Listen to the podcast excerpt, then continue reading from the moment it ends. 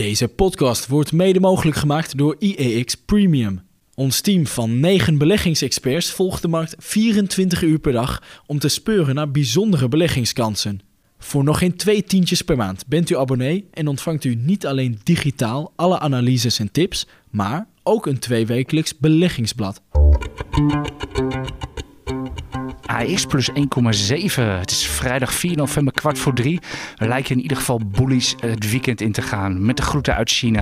Daar gaan we zo meteen meer over hebben. Niels, we hebben een gast vandaag. Zeker. Wie is het? Jeroen van Glabbeek, eh, CEO van eh, CM.com. Dank dat je aanwezig wil zijn. Leuk om hier te zijn. Ja, van harte welkom hier op het uh, Damrak, Busplein 5, waar we natuurlijk weer de wekelijkse IX Beleggers podcast uh, opnemen. Ik zei het al even, het is vrijdag 4 november. Waar gaan we het allemaal over hebben? Natuurlijk, Jeroen van Glabbeek is hier te gast, cm.com.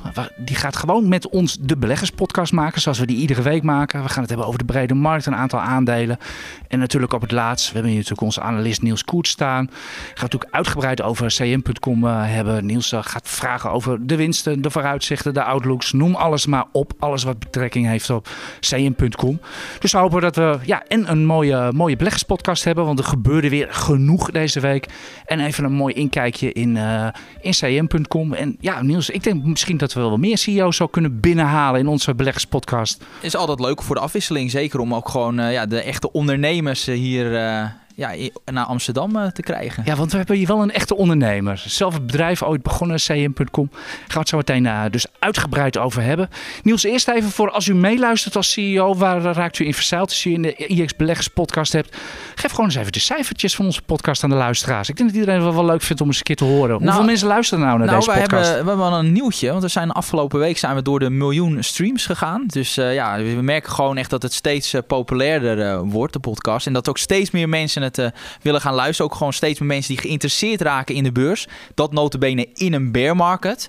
Dus uh, nee, daar zijn we daar hartstikke blij mee. Hoeveel, hoeveel, mensen luisteren wekelijks naar ons? Ja, we gaan al richting ongeveer de 15.000 per week. Dus het, zeker voor de beurs is toch een relatieve niche. Dus dat, is dat heel, zijn hele ja, mooie cijfers. Zeker wat wij doen. Het is natuurlijk geen beginnerspodcast. Het is echt wel een beetje voor gevorderden. Ja. Die zo meteen ook merken in het gesprek met, met, met Jeroen. We gaan echt wel in over echte beurstermen. En nog iets, het cijfertje waar we echt trots op zijn bij de podcast. Nu moet ik nadenken welk cijfer dat ook weer is. hoeveel, hoeveel, mensen me uitluisteren? Oh ja, nee, dat is heel leuk. Want dat, dat soort cijfers kunnen we ook zien. Uh, dat, uh, ja, dat gewoon 90% van de mensen die luistert echt volledig de podcast, de volledige 45 minuten afluisteren. En dat, ja, daar zijn we jullie heel erg dankbaar voor. Want dan doen we het ook niet. We doen het in ieder geval niet voor niets dan. Nee. Dus. En uh, hopelijk, Jeroen, ben jij hier ook niet voor niets gekomen. De vraag die wij altijd als eerste, wij zijn beursliefhebbers, wij zijn hartstochtelijke beleggers. Ben jij zelf ook belegger?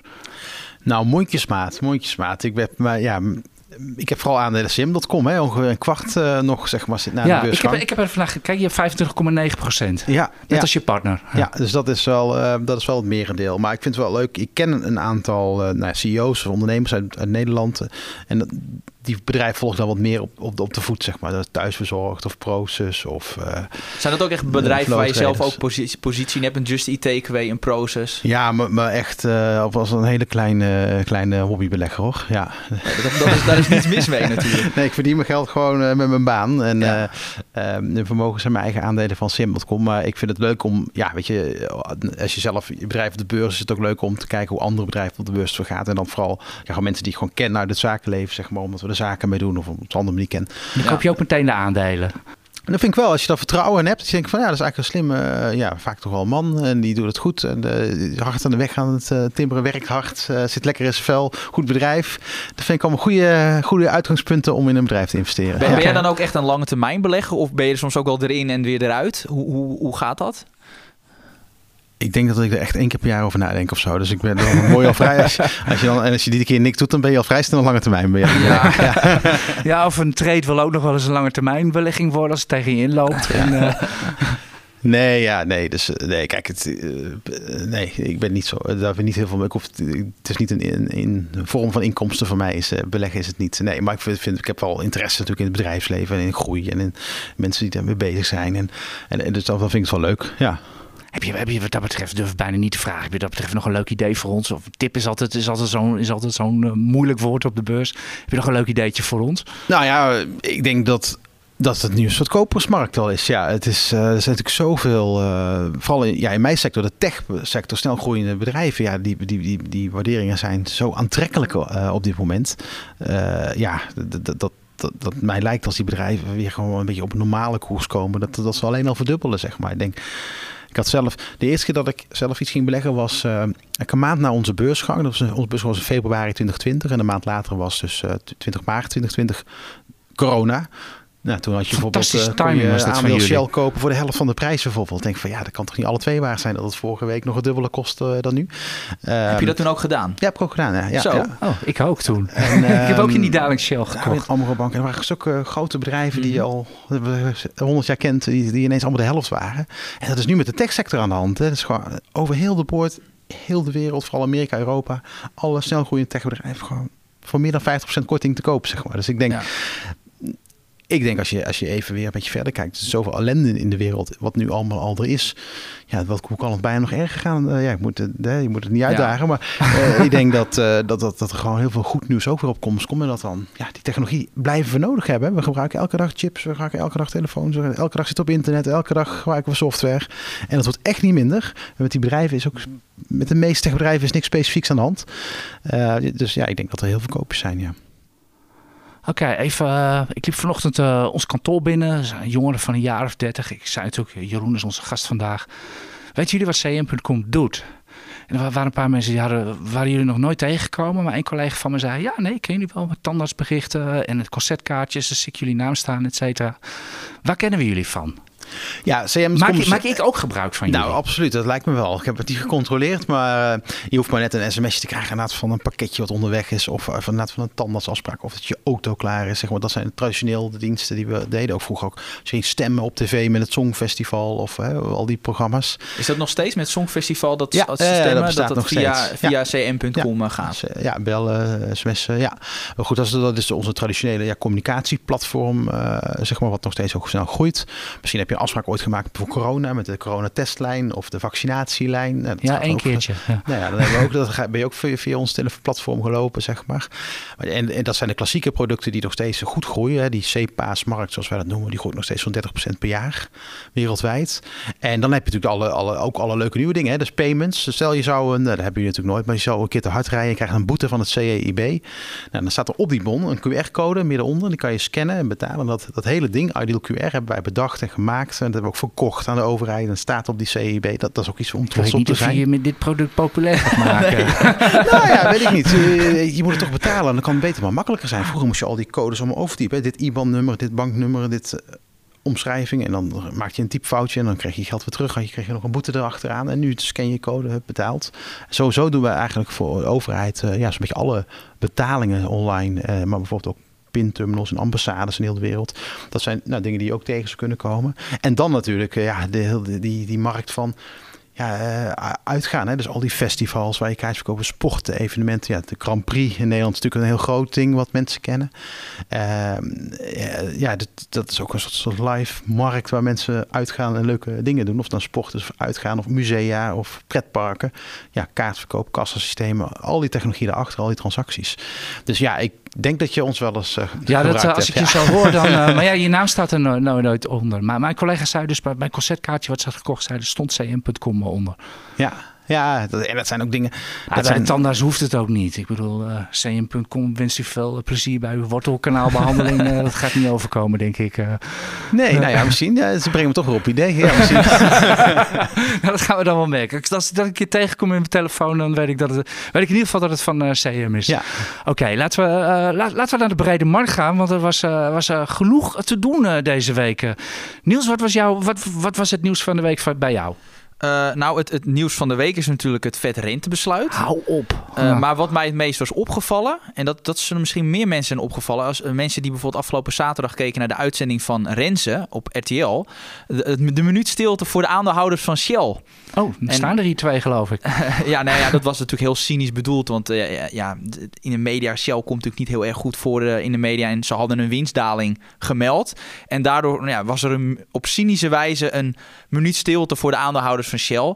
En waarom noem ik dit? Het geeft ook een beetje aan wat wel een beetje het sentiment is, ook zowel onder de bevolking, maar ook in de media, als het gaat om beleggen. En dan helemaal in beleggen in fossiele industrie. En omdat die, dat sentiment zo slecht is, zul je ook zien dat dat uiteindelijk zal leiden, vermoedelijk, naar tot hogere belastingen op uh, beleggen. Omdat uh, dat zien we nu al natuurlijk in het uh, in, op Prinsjesdag hebben we dat gezien. Maar ja, de overheid heeft steeds meer geld nodig. Want ja, de tekorten lopen op. Ja, en dan waar moet dat dan worden weggehaald? Ja, ik vrees dat dat dan toch veel, veel zal komen vanuit beleggers. Dus ik vond dat een beetje een, ja, een treffend voorbeeld van wat het sentiment weergeeft als het gaat om beleggen onder ja, toch wel onder in de media. Ja, een, een, minuut stilte terwijl er een dividendverhoging van 15% was. Ja, maar ze keken puur natuurlijk naar de winstcijfers. En ik geloof dat Shell nu op de hoogste koers van het jaar ja, staat. Ja, vandaag vandaag, dus... vandaag uh, krap 29 euro op bord zien staan uh, vandaag. Dus ik ben zelf dus, geen die, die gaan in ieder geval maar... goed, uh, Jeroen. ja. of, of, heb je ze al verkocht intussen? Ja, nee, ik heb best ook wel weer ah, Toch dus wel een actieve, toch actief af en toe. Dan, nou ja. Never sell Shell was hier ooit een gevleugelde kreet hier op de beurs. nooit gehoord? Of, ja, ja, nee, zeker wel. Ja, ja, Oké, okay, nou, ik heb, ze, ik heb ze in ieder geval nog. dus die minuut stilte, nou ja, graag. In die tijd kan ik mooi mijn dividendcoupons knippen, zou ik maar zeggen. en, wat was jouw nieuws van de week, Jeroen? Mijn nieuws van de week.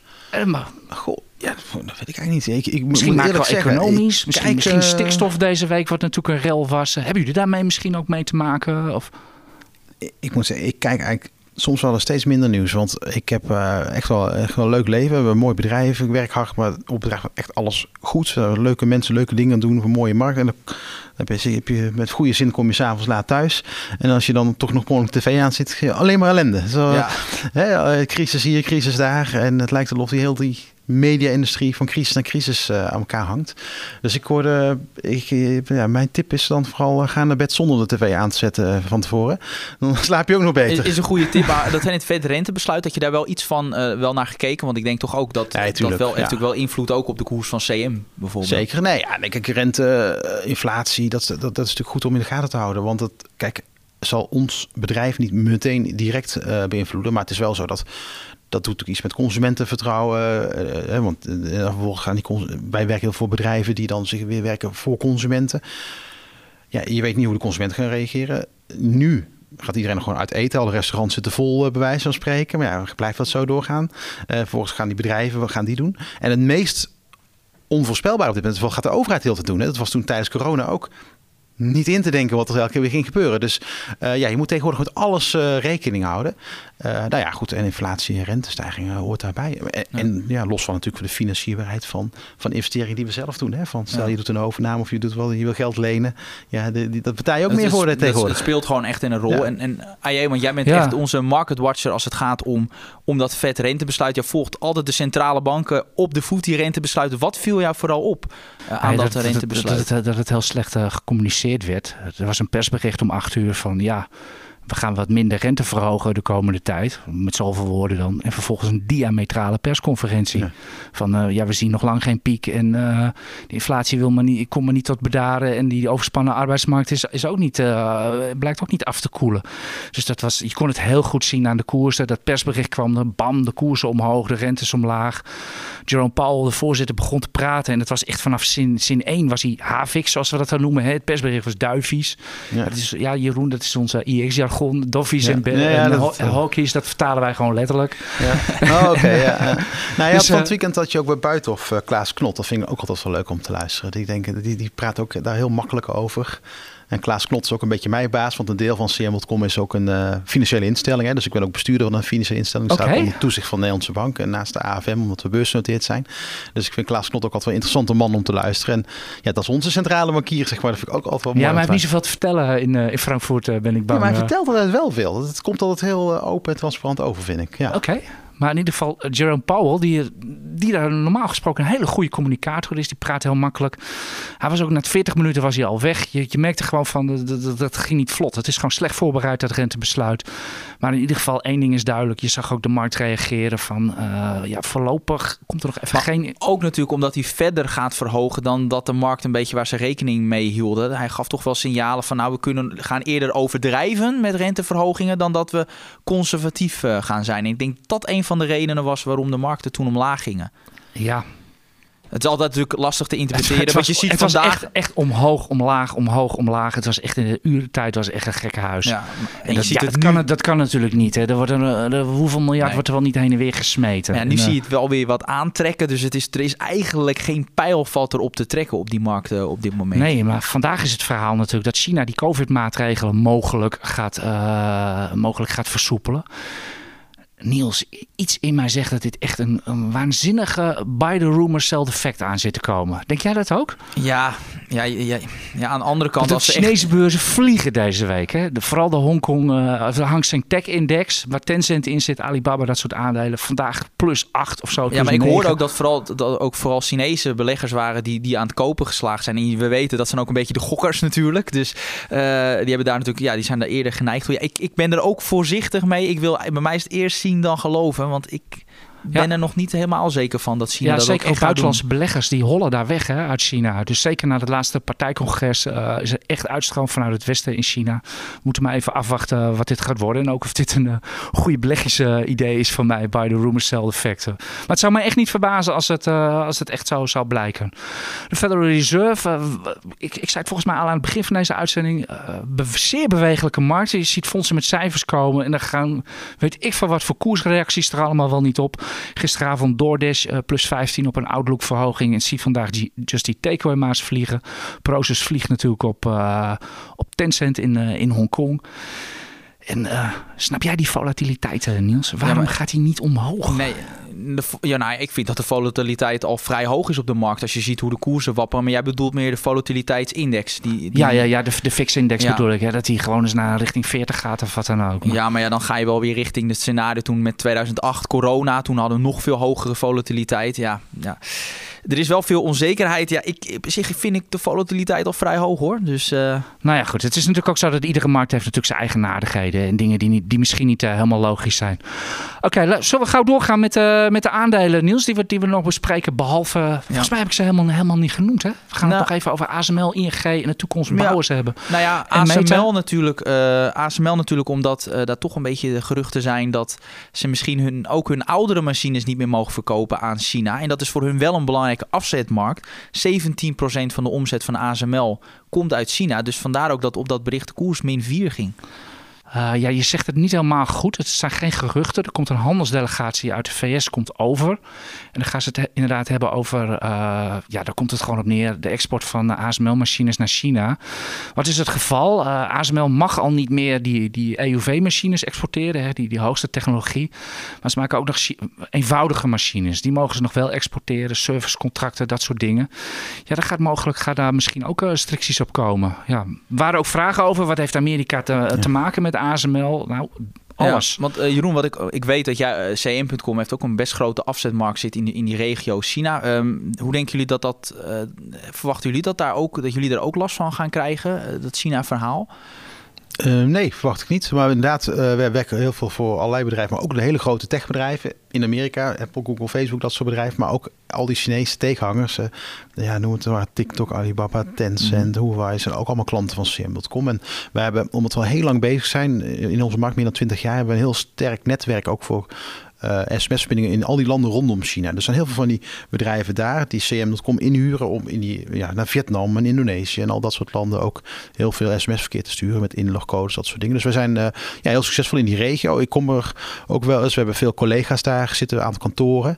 Ja, ik, ik vind het hardwerkende mensen eh, met visie en mooie bedrijven daar. Ik, ik, ja, Volop ambitie ook. ambitieus, Ja. slim. eh, ja, dus wij, het is in onze media ja, zo wat meer pro-Amerika, wat meer tegen China. Maar ja, ik zou, eh, ik zou er maar gewoon. eh, Ja, Ja, is maar het anders dat- zaken doen met Chinezen dan met, met Amerikanen of Anglo-Saxen of, Ja, of zeker. Rijnland? eh, Ja. Ja, dus we hebben iets van 25 eh, bedrijven in de wereld met lokale vestigingen, zeg maar 25 lokale vestigingen. Met, en we doen altijd met lokale mensen daar die zaken. Dus ook ja, in ons bedrijf China werken Chinezen en nou, India, India, en mensen in dat land. Zo hebben we overal dus lokale mensen. Dus, en dat is natuurlijk anders, de cultuur is anders. Ja, we vandaag waren ook al met een groot contract bezig in China. Ja, wat je dan ziet.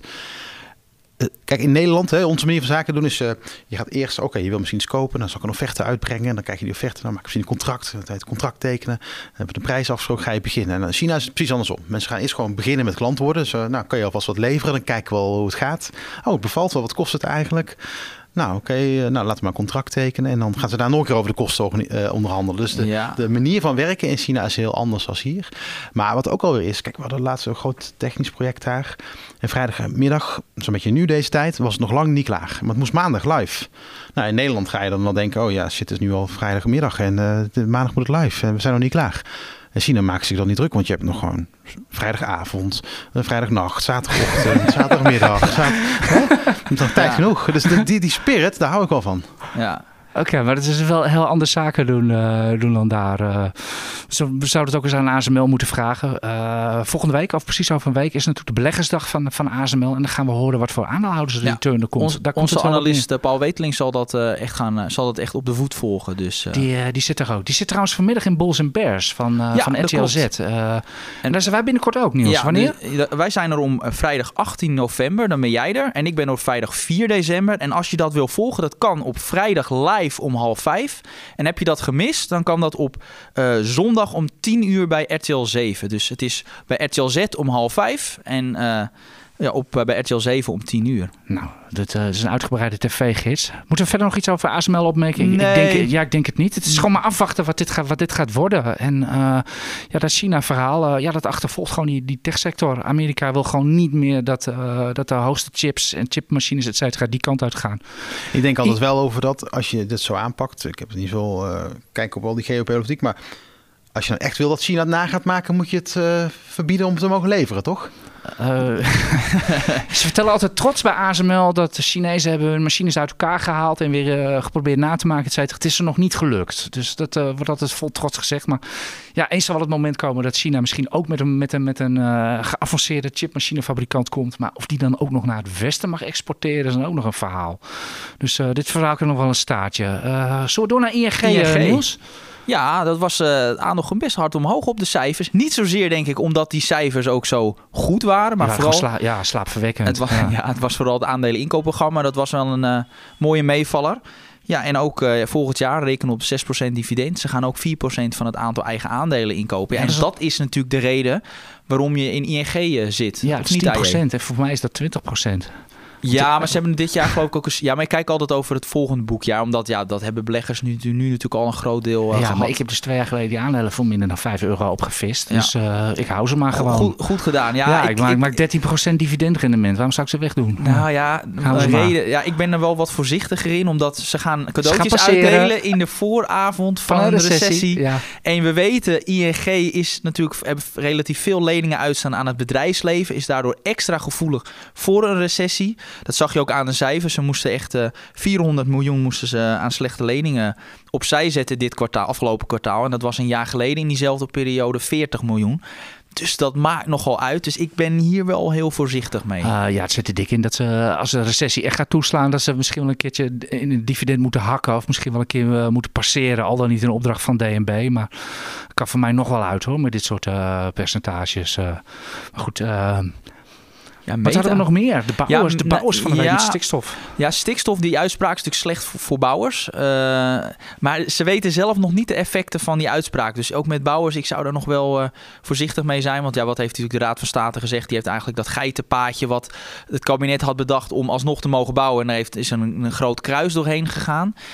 Ja, dat is voor bouwers natuurlijk slecht nieuws. Maar ze weten zelf ook nog niet wat de impact is eh, van die uitspraak. Nee, vooral Dus- die huidige projecten die al Ja. lopen. Hè, moeten die wel of niet die vergunningen opnieuw onder de loep? Dat is natuurlijk de grote vraag. Dus, dus ja, dus ik, daarom zeg ik ook, wees hier wel voorzichtig Ja, mee. ja, ja, ja, wees hier wel voorzichtig mee. Eh, Moet je hier überhaupt zijn op dit moment? Je Ja, als, je, ja, als je erin zit, dan Ja, maar eh, wij zijn maar. sowieso van huis uit al niet heel enthousiast over bouwers. En daar Nee, hebben we natuurlijk al heel vaak altijd gezegd waarom. Dat blijkt toch ook wel weer. Er Was, twee weken geleden stond ik ook weer iets, was er ook weer iets met die, Met met die BAM. bouwers. Ja, Eh, nee, ja, het blijft een zucht. Maar kan jij nog uitbreiden, ondanks die stikstofplannen? Of heb je, heb je nog uitbreidingsplannen? Of, Nou, we hebben net een nieuw eh, gebouw geopend. Inderdaad, we hebben het hoofdkantoor zit in Breda. En dat ja, CM Campus, dat zijn een aantal gebouwen bij elkaar. En eh, ja, we hebben best oh, het is wel echt een campus. Doe ja, maar. ja, het is ook vier, vijf gebouwen en we hebben nog wat extra grond. Dus dat, dat blijft, wel, eh, blijft wel groeien inderdaad.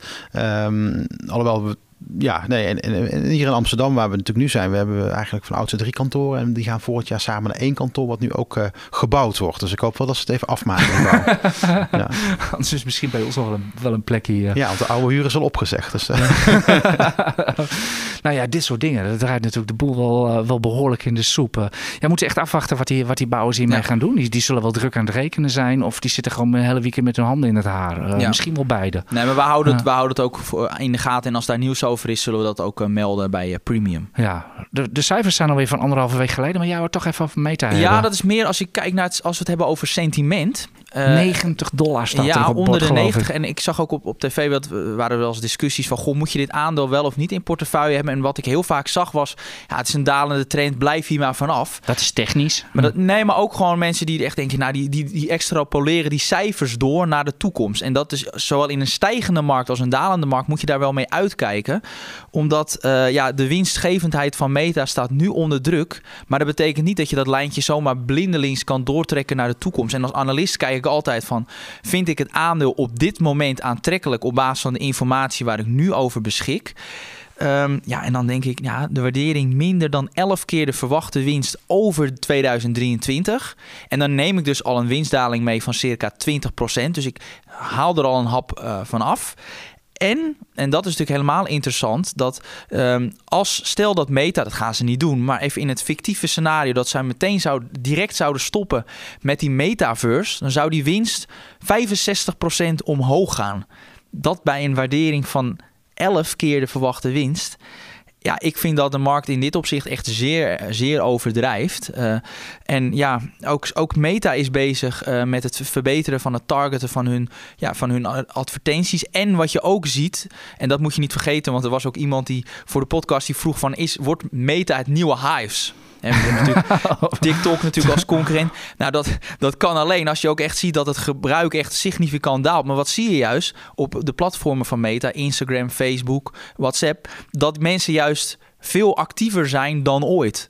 Dus uh, die, uh, die um, impressies dus, uh, van de advertenties ging juist omhoog. Het enige probleem is, door die zwakke um, advertentiemarkt ging die prijs per advertentie omlaag. Dus ik, um, ja, ik, ik ben hier wel. Ik heb zelf een klein plukje, maar ik denk wel dat. heb je bijgekocht? Nog niet. Ik wil het aandeel even laten uitrazen. Maar fundamenteel, uh, nou, ik geef gewoon een tip weg, vind ik dit een strong buy. Ja. ja, ze hebben ook wel een soort gouden kroonjuweel. Hè? Dat is dat WhatsApp, je noemde het al even. Dat hebben ze ooit een keer gekocht. Doen ze eigenlijk commercieel nog niet zoveel mee. Met CM.com doen we al heel veel zaken met WhatsApp. En het punt is, heel veel consumenten willen eigenlijk gewoon een appje sturen, niet alleen naar vrienden en familie en collega's, maar ook naar een merk. Hè? Dat je zegt, nou, ik heb ook wel schoenen kopen bij Nike. Ik app gewoon even naar Nike, krijg een antwoord. Dat kan nog niet. Maar wij werken aan technologie om het mogelijk te maken. Heel veel artificiële intelligentie, maar we hebben ook die connectiviteit. Dat doen we samen met WhatsApp. En zij staan ook best wel sterk uitgeleid om daar op een gegeven moment wel geld voor te vragen. Hè? Dus dat je zegt aan zo'n bedrijf, hè, van nou, om, een, om vragen te kunnen ontvangen of te kunnen beantwoorden, moet je toch iets betalen of om reclame te maken, rechtstreeks op het doelgroep, wel met toestemming. Maar dus WhatsApp ja, miljarden mensen gebruiken dat over de wereld, uh, heel de dag. Dus dat is, daar zit eigenlijk veel meer waarde in. En ze zullen nooit advertenties op gaan verkopen. Dat, is, dat, dat, hebben ze beloofd en dat geloof ik ook eigenlijk wel. Maar gewoon dat één op één conversatie op schaal, zeg maar, met mensen die WhatsApp hebben. Ja, dat is enorm aan het groeien. Ja, wij leveren ook heel veel technologie mee in heel veel verschillende landen. Dus het gaat echt van Brazilië, Mexico, Turkije, Kazachstan. Overal. Ja, en daar gaat gewoon een verdienmodel komen. En als je kijkt hoeveel geld wij bijvoorbeeld al betalen aan al die telecomproviders, hè, Vodafone, T-Mobile, heel de wereld, om die sms te kunnen sturen. Ja, als wij daar een deel van het geld aan, aan WhatsApp zouden geven en we zouden die berichten op die manier kunnen sturen, zouden we het meteen doen. He, dus dat, ik, daar dat, zit echt waarde in. Dat is een potentiële goudmijn met ja, jou. Ja, denk ik wel. Ja. Okay. Dus moet, moet Mark Zuckerberg, de CEO van Meta, zich niet daarmee bezighouden in plaats van Metaverse volgens jou? Ik denk dat hij daar wel mee bezighoudt. Alleen dat, dat, gewoon, dat zij hun plan trekken om daarover te communiceren wanneer ze willen, hoe ze dat willen. Uh, maar ja, dat hebben ze natuurlijk wel in beeld. Ze hebben dat niet, niet voor niks. En is ook met Instagram. Uh, wij doen ook even conversational commerce, dat is berichten en betalen. Ja, op Instagram zie je ook steeds meer dat je gewoon een leuke advertentie ziet. Je kan erop klikken, zie je het merk en dan klik je nog een keer erbij kopen en afrekenen. Dat gaat steeds meer komen meer landen. Nou, dat soort ontwikkelingen, dat, dat zijn allemaal nog dingen, daar moeten ze nog eigenlijk aan gaan beginnen om dat te ontplooien. Dus ik ben daar toch wel heel positief over. Oké, dat is leuke fantasie. Die, uh, kijk, daarvoor, daarvoor nodigen we zo iemand uit als jou. Dan, uh, dan zien we toch weer allerlei dingen die wij, die wij zelf niet zien. Uh, zo heel gauw doorgaan naar de vragen, Niels.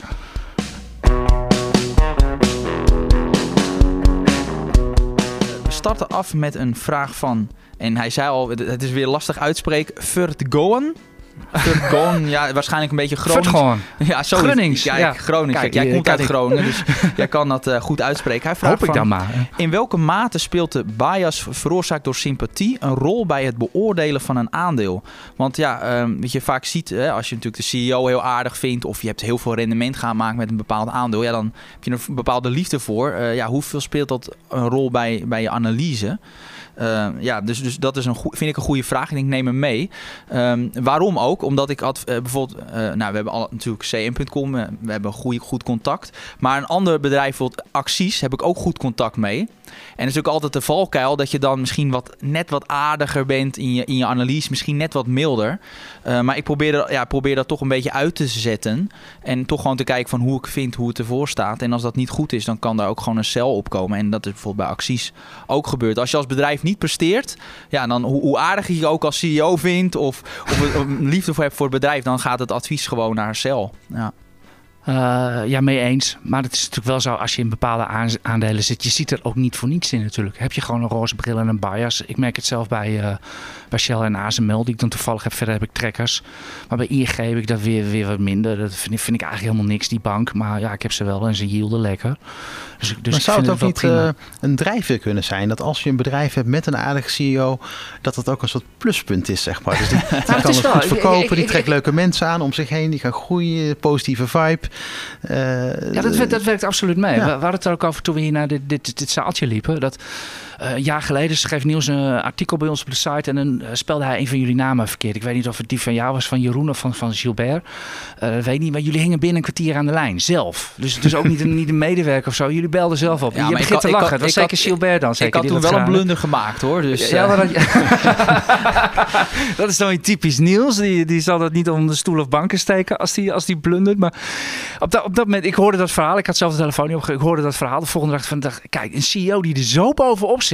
Die zo in de gaten houdt wat er over geschreven wordt. eh, nou, dat, die is gepassioneerd. En dan heb je bij mij een pluspunt. Klassiek voorbeeld is ook Carlo Borgijn. Die kwam ooit bij ons, op, die was toen nog CEO van Bink. Die kwam ooit bij ons regelrecht voorkennis tegen op, eh, op het forum. Die hingen ook aan de lijn, publiceerden meteen een persbericht. En eh, uiteindelijk zijn er mensen eh, door veroordeeld. Gaat u maar googlen. Binkaffaire ix.nl. Dat, eh, ja, die hingen ook echt binnen vijf minuten aan de lijn. we gaan Ook door. echt een CEO met, met, met passie voor de zaak. Daar hou ik van. Helder. We gaan door met een vraag van de heer van Wagensveld. En die zegt van, nou Niels, welke verzekeraar heeft bij jou de voorkeur? NN, ASR of Egon? Ehm, ja, wat ik, wil, wat ik daar kort op wil zeggen is dat het wel uitmaakt... eh, vaak ligt het relatief dicht bij elkaar. Als jij verwacht dat de rentes echt fors verder gaan stijgen... dan is eh, NN een wat minder interessante partij... omdat die dat eh, deels ook hedgt. En ASR en Egon weer aantrekkelijker.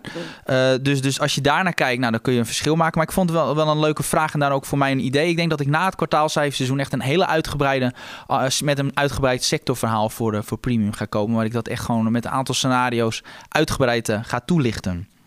Dus dank voor deze vraag. Dan, uh, ja, een, een, nummer. Ja, dit vind ik ook een interessante vraag. Want we kregen een vraag door van: uh, ja, wat is jullie laatst verkochte aandeel? Verkocht? Ja, die we verkocht hebben. Uh, nou, dan moet, ik, dan moet ik terug naar uh, 2014, toen ik mijn huis kocht. Toen heb ik uh, het grootste gedeelte van mijn portefeuille verkocht om cash in te leggen in mijn huis. En sindsdien heb ik geen aandeel meer verkocht. Oké. Okay.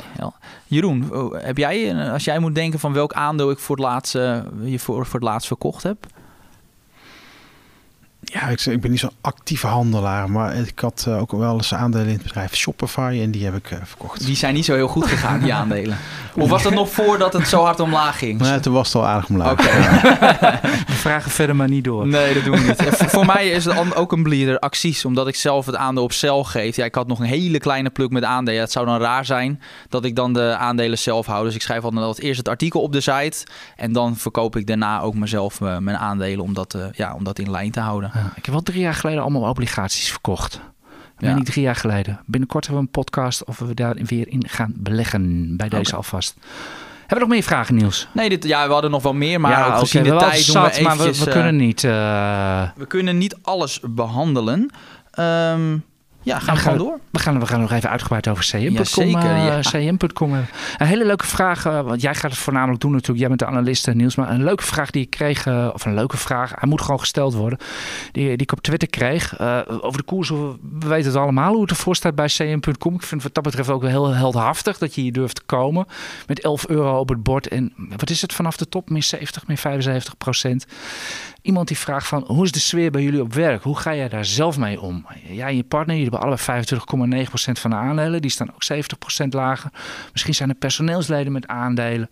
Of met, met optiepakketten of wat dan ook. Heeft dat impact, die koersdaling, ook bij jullie op het werk? Ik geloof het niet eigenlijk. Nee. Ehm, eh, Spreek eerst voor jezelf. Nou ja, voor mezelf. Kijk, ja, ik ben een lange termijn eh, belegger. Ik heb het meer dan twintig jaar geleden eh, CM Ja, maar je hebt, alles, je hebt bijna alles in CM zitten. Dus, dat, dat, eh, dat was 70% lager. Ja, maar goed, als je het niet van plan bent om te verkopen, eh, voel je er even niks van natuurlijk. Hè? Dus ik wil er nog wel twintig jaar in zitten en ik wil mijn werk nog wel twintig jaar blijven voortdoen. En dan. En ik, als je kijkt wat we de reis voor de afgelopen 20 jaar gemaakt hebben, denk ik dat de komende 20 jaar ook nog van alles gaat komen. Dus ik ben daar zelf, voor mezelf heb ik daar eigenlijk niet echt een gevoel bij. Het is meer wel, net voor andere mensen die ingestapt zijn op een hoger punt en dan geld te verloren. Nou, dat, dat heb je dan soms, voel je wat voor mee. Vooral als iemand er heel korte termijn van plan was om er geld eh, mee te gaan verdienen. Ja, dan heb je, dat is op korte termijn dan even niet gelukt. Maar ik denk, kijk, bedrijfsspecifiek is er niks mis met ons. We, doen, we zijn drie keer zo groot als, als een paar jaar geleden toen we naar de beurs gingen. We hebben drie keer zoveel omzet, drie keer zoveel eh, personeel, drie keer zoveel klanten. ehm, drie keer zoveel slagkracht, bij wijze van spreken. Drie keer zo'n mooi product.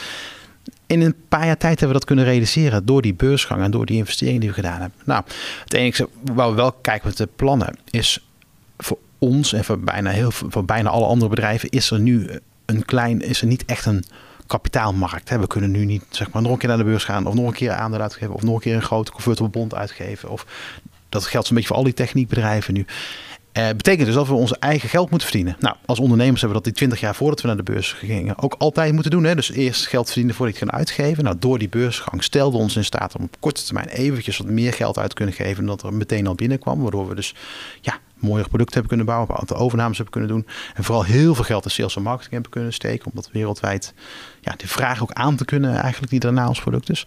Nou, en nu is de zaak dat, de, ja, dat die groei eh, blijft doorzetten. Dus vorig Ja, jaar... Daar zet je natuurlijk nog steeds op in natuurlijk. Ja. Hè? Want de markt die, is- ja, is gewoon minder bereid om voor een niet winstgevende groeibedrijf om daar veel voor te betalen. Je zet nog wel in op die groei, daar blijf je op inzetten. Eh, wat, is, ja, wat is de gedachte daarachter? Dat je echt nog eh, voor gaat voor groei boven winstgevendheid. Ja, kijk, wij zijn een datagedreven bedrijf. Dus we weten eigenlijk bij alles te doen precies wat het kost en wat het oplevert. Hè. Dus elke sms'je, elke betaling, elke telefoongesprek, elke ticket, elke artificiële intelligentie software die we verkopen, we weten het precies. We weten ook per land, eh, per markt. We werken in heel verschillende industrieën, banken, verzekeraars, healthcare, nou, noem maar op. Al die data weet je precies ook, oké, een nieuwe klant binnenhalen kost zoveel. Dat is een customer acquisition cost. En je weet ook hoeveel die klant gaat opleveren over zijn levensloop. hè. dat is een lifetime value. En dat is de factor en dat is je terugverdientijd. Nou, wij weten gewoon, als wij nu 1 euro eh, besteden aan een nieuwe klant te zoeken, verdienen we dat nou, in ongeveer twee jaar terug. En daarna blijft het maar terugkomen, want die klanten blijven bij ons. Dus ja, dat werkt gewoon heel lekker. Je stopt geld in, in klantenacties en dat verdien je heel, dat heeft een heel goed rendement eigenlijk. Dus het geld wat we verdienen met onze bestaande klanten, eh, nou, dat pakken we en dat investeren we in het zoeken naar nieuwe klanten. En we weten dat het goed rendement En, heeft. en dat is ook een van de redenen. Dus je zegt van die nieuwe klanten zijn wel winstgevend. Maar omdat je natuurlijk eh, veel. eh, je moet ook mensen inhuren om die klanten natuurlijk aan je te binden. En die marketingkosten die lopen natuurlijk nog wel stevig op. En je hebt natuurlijk ook, ook die groei. Hè, die meer, je hebt meer hoofdkantoren natuurlijk gebouwd. Dat is natuurlijk een van de redenen waarom ook die, ja, die onderaan de streep. Dat het nog wel, dat het er nog niet uitkomt. Want dat is, dat is iets wat mij bij CM.com toch wel is opgevallen. Dat toch die marges minder snel, ook die EBITDA-marge, dat het minder snel verbetert dan, dan misschien jullie ook wel zelf eerder dachten. Eh, nee, ik denk het niet. Voor, ons gaat het wel eh, zoals we altijd gezegd hebben dat het zou gaan. We halen geld op, ongeveer 100 miljoen met die beursgang. In de tweede instantie nog een keer 100 miljoen met die convertible bond. Met één doel en dat is investeren in groei. Alleen investeren in groei, dat zijn marketing en sales kosten. Hè. Die gaan meteen van je P&L af, meteen van je winst. En het rendement erop, namelijk toekomstige kaststromen, ja, die komt pas in de toekomst. Eh, waren wij een vastgoedbedrijf, dan kochten we niet klanten, maar dan kochten we gebouwen. En die gebouwen mag je wel op een balans zetten. En dan heb je gewoon 30 jaar de tijd om het eh, terug te gaan verdienen. En dan ziet dat er elk jaar netjes uit. Concurrenten van ons, hè, we hebben Sinch, Twilio, dat soort bedrijven, ook beursgenoteerde CPA's bedrijven, wat die doen. Die zijn niet zo goed zoals wij in organische groei. Wij zijn de snelst groeiende zeepasbedrijf van de wereld hè, in ons vakgebied. Ehm, maar de concurrenten, wat zij doen, is ze kopen andere bedrijven. En dat mag je gelijk op de balans zetten. Dus het gaat niet van je kosten af, het geld dat je besteedt aan een overname. En die maken dus op papier veel meer winst, omdat ze de kosten van de overnames op een balans parkeren. Wij parkeren de kosten van de klantacquisitie, die we één voor één zelf ja, met handwerk binnenhalen in heel de wereld, die zitten op de, in de winst- en verliesrekening. Dus je kan er heel technisch naar kijken, ja, als boekhoudkundig, hè, dat, dat is al 100 jaar oud, zeg maar, hoe je een jaarrekening maakt met winst- en verliesrekening en de balans. Maar wij kijken veel meer in van, wat kost het ons en wat levert het op? En hoe snel verdienen we terug? Nou, als je zegt nou zelf, als je zelf een investering kan doen die in twee jaar tijd terugverdient en dan elk jaar nog een keer blijft terugkomen. Nee, dat snap ik inderdaad dat je kiest voor. Maar ja, het moet er maar, uiteindelijk Maar moet je niet nu naar de beurs luisteren die gewoon heel duidelijk zeggen, ja, mooi verhaal uh, meneer Van Glabbeek, maar de rente is uh, in Nederland 2,6 procent. Wij willen gewoon uh, winst zien aan de horizon. En je ziet het ook bij bedrijven als Just Eat Takeaway, Uber, die natuurlijk ook altijd geldverbranders waren. Ja, die nu gewoon maar dat lukt bij die bedrijven ook. Hè? Dat zie je ook. Hè? Dus ja. in het Uber en Takeaway werd precies hetzelfde over gezegd. Nou, die zeggen, nou, we draaien even de marketingkraan dicht. Nou, hup, komt geld gewoon binnen, maak je gelijk winst. Is bij ons ook zo. Alleen wij hebben de tijd die wij daarvoor eh, uittrekken. Is wij, wat wij niet willen doen, zoals sommige concurrenten of andere techbedrijven doen, is massa-ontslagen of dingen. Wij willen gewoon, we hebben een heel mooi team. Mensen die hebben goed binnengehaald, betalen we gewoon een redelijke marktconforme salaris. Hebben we zelf opgeleid, zijn echt helemaal up to speed, hebben goede sales uh, pipelines of zijn lekker aan het programmeren. Wij willen met het team wat er nu staat, ongeveer man die elke dag meer ervaring krijgen in wat ze doen, willen wij gewoon de komende jaren doorgaan. Hoeft niet per se nog veel meer mensen te zijn, maar hetzelfde team willen gewoon lekker doorgaan, lekker blijven bouwen aan ons bedrijf. En we zien gewoon elk jaar die omzet ja, fors stijgen. Vorig jaar 55 procent, ja, daarvoor 67 procent. Ja, dat is echt grote uh, groei. Marge, Dit jaar vlakt natuurlijk wel wat af, omdat je afgelopen jaar natuurlijk wel echt voordeel hebt ja, gehad van de coronaperiode. Stel, we zouden ongeveer dit jaar 30% groei hebben ja, kan je zeggen, oh, dat is wel heel weinig, 30% groei ongeveer. Maar ja, noemen ze, noemen ze drie andere bedrijven die zwart groeien. ja, nee, want, uh, want dat is natuurlijk ook, ook een ding van, uh, als je kijkt naar die groeivooruitzichten die je hebt voor, voor dit jaar, uh, wil je een omzet van ongeveer 300 tot 315 miljoen behalen. Wat mij wel opviel, dan moet, moet natuurlijk wel die omzetgroei in het vierde kwartaal eigenlijk iets hoger uitvallen dan in het derde kwartaal. En ja, we, we kijken natuurlijk, we zitten elkaar natuurlijk ook wel eens aan te kijken met die recessie die al een beetje eh, Nederland ook raakt. Dus een grote markt voor cm.com. Is dat dan wel haalbaar als je het vergelijkt met de ja, macro-economische ontwikkelingen op dit moment? Nou ja, goed, we hebben het laatste persbericht ook gewoon duidelijk over gezegd. Hè. Dus die bandbreedte die je noemt, ja, zullen we eerder aan de onderkant dan de bovenkant uitkomen. En sterker nog hebben we erbij gezegd, er vinden ook nog wel een klein risicootje. En dat uh, van, van ongeveer 10 miljoen, wat eventueel nog slechter zou kunnen uitpakken aan de omzetkant. Omdat wij niet precies weten hoe ja, gaan de consumenten, we gaan ze doen met Black Friday, we gaan ze doen met kerstmis, uh, we gaan de bedrijven doen uh, om die mensen weer aan te jagen. Dat, het is gewoon iets onzekerder. Maar het, uiteindelijk. Kun je daar iets over zeggen? We zitten intussen halverwege Q4. Nou ja, kijk, wat, wat je kan zeggen is dat we natuurlijk, eigenlijk wat jij ook zegt, steeds meer kijken naar die winstgevendheid. Hè. Dus vroeger ging het nou zijn snelgroeiend technologiebedrijf, omzet moet omhoog. Nu zeggen we, we gaan we werken toe naar dat break-even punten, waar we dus EBITDA positief uh, zullen zijn eind uh, volgend jaar en ook op structurele manier. Nou, wat is de weg daar naartoe? Dat is ook nu vooral kijken naar je marge en je gross profit. Hè? Dus dat je je bruto winst omhoog gaat en je kosten onder controle houden. Dus ja, die groep mensen die bij ons nu elke dag hard aan het werk is om dat bedrijf verder uit te bouwen, ja, dat proberen we ongeveer stabiel te laten eh, zijn of licht te groeien. Um, en dat, dat, we hebben niet meer zoveel nieuwe mensen nodig als dat we de afgelopen twee, drie jaar nodig hadden om nee, het dus op te je zegt ook eh, qua aantal, als je het gaat om het inhuren van mensen, dat, dat, dat ga je gewoon ja, minder, minder snel doen. Je gaat het meer doen met de mensen die je nu op dit moment ja. hebt. Ja, dan is het heel veel. Kijk, heel veel mensen. We zijn ongeveer van 300 naar 1000 mensen gegroeid in een paar jaar tijd. Dus dat betekent dat ongeveer een derde van ons personeelbestand die werkt er een jaar. De andere een derde werkt er ongeveer twee jaar. Uh, en dan heb je nog een derde oude rotten die er meer dan twee jaar werken, zeg maar. Ja, elk jaar zijn die mensen eh, veel ervarener bij ons. Hè. Die weten toch beter hoe het werkt. Die weten de klanten beter, kennen de producten beter. Dus de efficiëntie die we elke dag zien toenemen in het bedrijf. En effectiviteit van wat we doen zijn met een bestaande uh, groep mensen. Ja, dat zie je gewoon toenemen. Nou, en dat geeft ons heel veel vertrouwen dat die groei uh, blijft doorgaan. Dat die marge constant blijft, dat die bruto winst omhoog komt.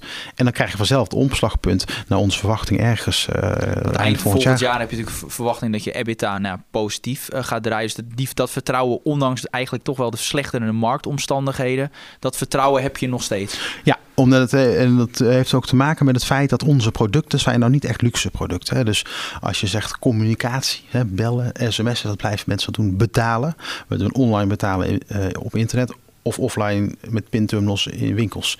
Ja, die consument als die blijft kopen, of nou online is of offline is, ze komen altijd wel een keer eh, langs ons, zeg maar. Eh, tickets, ja, we zagen in de zomer vorig jaar, mocht je niet naar een festival, maar wel naar een museum. Nou, dan verdienen we daar weer. Dus we zitten, zijn zo breed hè, dat je dus heel veel klappen kan opvangen. Hetzelfde is ook met die geografische spreiding van ons bedrijf. We zijn goed in Amerika, maar ook goed in, in China en de omgeving. Die inflatie in China is bijvoorbeeld dat inflatieprobleem niet op dit moment. Dus zo, en de dollar in Amerika heb je, de dollar zijn we heel sterk. Dus er zijn ook zeker pluspunten. Um, en, dat, die mix maakt dat wij vol vertrouwen inderdaad de toekomst ingaan.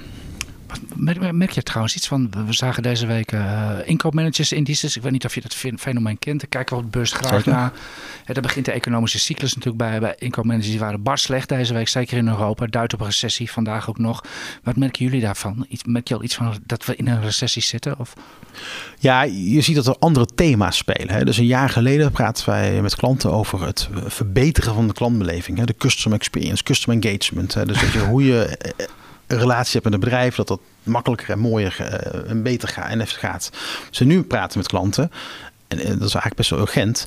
Zeggen, we hebben een merk, we hebben een bedrijf, we hebben een helpdesk, onze klanten, zeg maar. En daar komen heel veel vragen binnen. Bijvoorbeeld alle energiebedrijven. Hebben zoveel vragen, we kunnen het eigenlijk niet aan.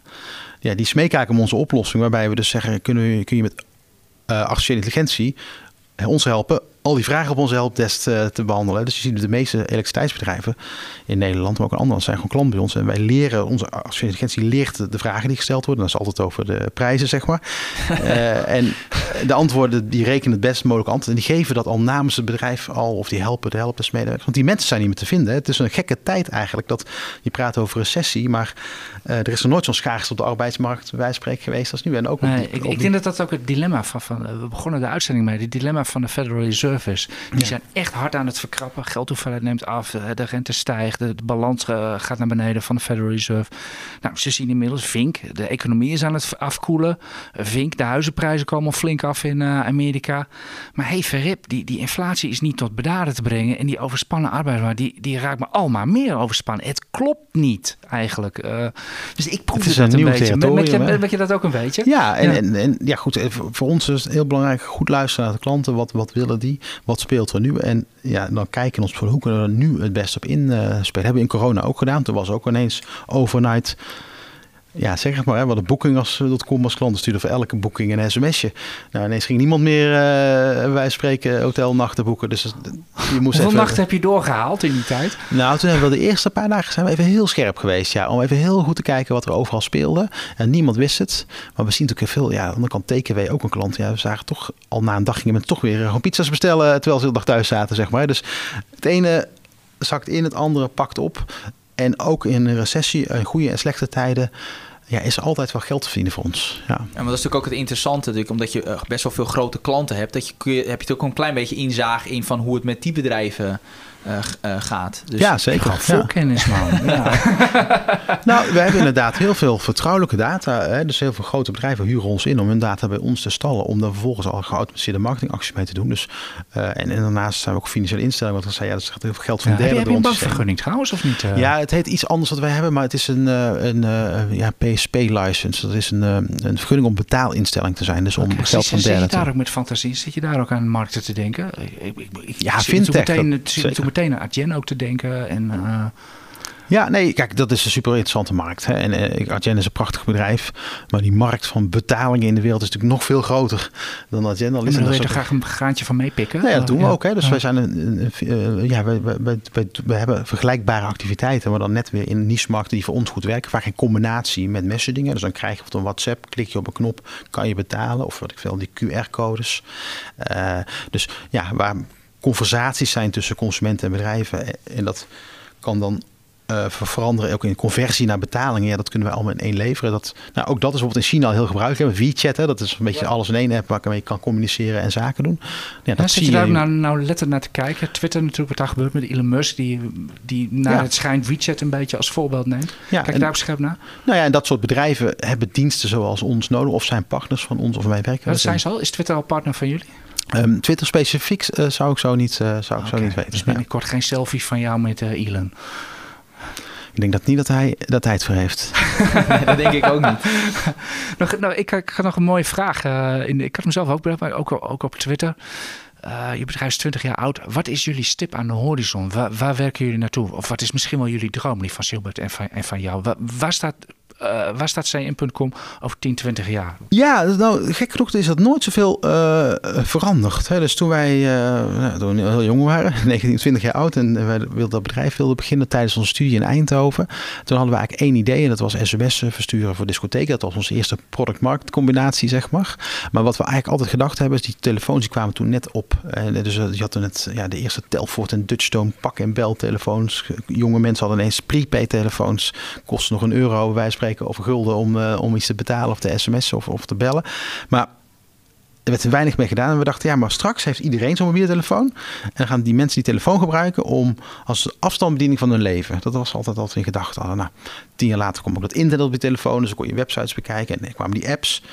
En nu eh, zijn we twintig jaar verder. Afstandsbediening van je leven. Dat ja, dus je hebt een probleem ja. of je wil iets weten of je hebt een idee. Wat je doet, je pakt je, je, pak je telefoon. Je gaat het opzoeken. nu eigenlijk al doen. Ja. En dan wil je het regelen. Maar dat, daar zijn we nog niet. Hè? Dus je kan nu nog niet zeggen, wat ik zijn mijn sportschoenen zijn kapot. Ik wil nieuwe sportschoenen. Ik stuur een appje naar Nike en ze sturen me morgen een nieuwe. Dat is er nog niet. Dat gaat wel komen. Dus over 10, 20 jaar kan je eigenlijk met elk merk wat je bedenkt, kan je gewoon een appje naartoe sturen. Die weet wie jij bent. Die weet nee, je schoenmaat, wij spreken. Die weet waar je woont. Die kent je creditcardnummers. En die stuurt jou op. En dan heb je eigenlijk een conversatie met een merk. Zoals je dat nu zou hebben met een, ja, een vriend of een familielid ja, of een collega. En jullie, willen daar, oh, ja. en jullie willen daar die oplossing voor kunnen bieden. Jullie willen eigenlijk die technologie bieden die dat mogelijk maakt. Ja, wij bundelen al die verschillende kanalen waar je ermee kan doen. Of het nou WhatsApp of Instagram of SMS of WeChat of Alipay of al die andere uh, protocollen die er maar zijn. Eindeloos veel. Hè? Apple Business Chat, Google, nou, eindeloos. Betaling hetzelfde. Je kan betalen via Visa, Mastercard, Ideal, Klarna, PayPal. Ook eindeloos veel. Nou, die bundelen we allemaal in ons platform. Dat is heel handig voor bedrijven om het te koppelen. Heb je software bij nodig om het allemaal te managen, als op te slaan. En heel veel artificiële intelligentie om het allemaal uit te rekenen. En, en dat persoonlijke gevoel in die relatie ook in stand te houden. En, en wat maakt dat jullie dat wel kunnen aanbieden en bijvoorbeeld een concurrent niet? Want ja, de markt waarin cm.com opereert is natuurlijk best concurrerend. Ja. ja en ben, ben, je niet bang dat Big Tech zich hiermee gaat bemoeien? Dat die die markt zien en denken van dit kunnen wij beter dan cm.com? En... Uh, Kijk, dit is een eindeloos grote opgave waar veel mensen aan moeten werken, ook moeten samenwerken. Dus wij werken ook met elk big tech bedrijf wel samen op, op delen van de oplossing. Uh, maar wat onze klant willen, de merken, de grote bedrijven, ook de kleinere bedrijven, die willen gewoon één oplossing. En die willen niet zeggen, ja, deze oplossing werkt alleen voor Google, of alleen voor Apple, of alleen voor Facebook, of alleen voor Amazon. Nee, die willen gewoon een oplossing. Dus gewoon zaken doen met overal, elke taal, elke valuta, elke protocol. En dat aggregeren wij eigenlijk met CM.com op één platform. En dat is eigenlijk het onderscheid met die, uh, met die, met die platform aan zich. Helder. Oké. Niels, heb jij nog uh, technische, financiële... Nee, ik denk dat we, dat we het belangrijkste gehad hebben. Zeer interessant. Ik, ik, ik, ik, denk het ook. Uh, dank je hartelijk, uh, Jeroen, voor je komst hier en je uitleg van, uh, van, je, van CM.com waar jullie allemaal mee bezig zijn. En dat je je lekker met de markt hebt bemoeid met ons, tegen alles aan. Ja, en dus, ik vond het leuk. Ja, als ondernemer is er niks leuker dan de hele dag over je eigen bedrijf te vertellen. dus we kunnen uren doorgaan. Ja, daarom ja. dat, dat vonden we het ook leuk om jou uit te nodigen. Nogmaals, we hebben een zwak voor ondernemers en jij bent er echt een. En dan wens je heel veel succes met CM en aandeelhouders in CM ja, hopen maar op, uh, hopen maar op betere, betere tijden wat dat betreft. Niels, jij misschien het slotakkoord vandaag? Uh, nou, ik denk dat, dat je het wel mooi hebt samengevat. Uh. Wens ik iedereen een prettig weekend en laat de eindejaarsrally maar beginnen. Fijn weekend. Nog even een reminder. Wilt u de analyses en kooptips van Niels Koerts en de acht andere beleggingsexperts ontvangen? Dat kan. Voor nog geen twee tientjes per maand bent u abonnee en blijft u digitaal constant op de hoogte van de nieuwste analyses en tips. Daarnaast valt er elke twee weken een gloednieuwe editie van het IEX magazine op uw deurmat. Meer weten? Ga naar iex.nl/podcast.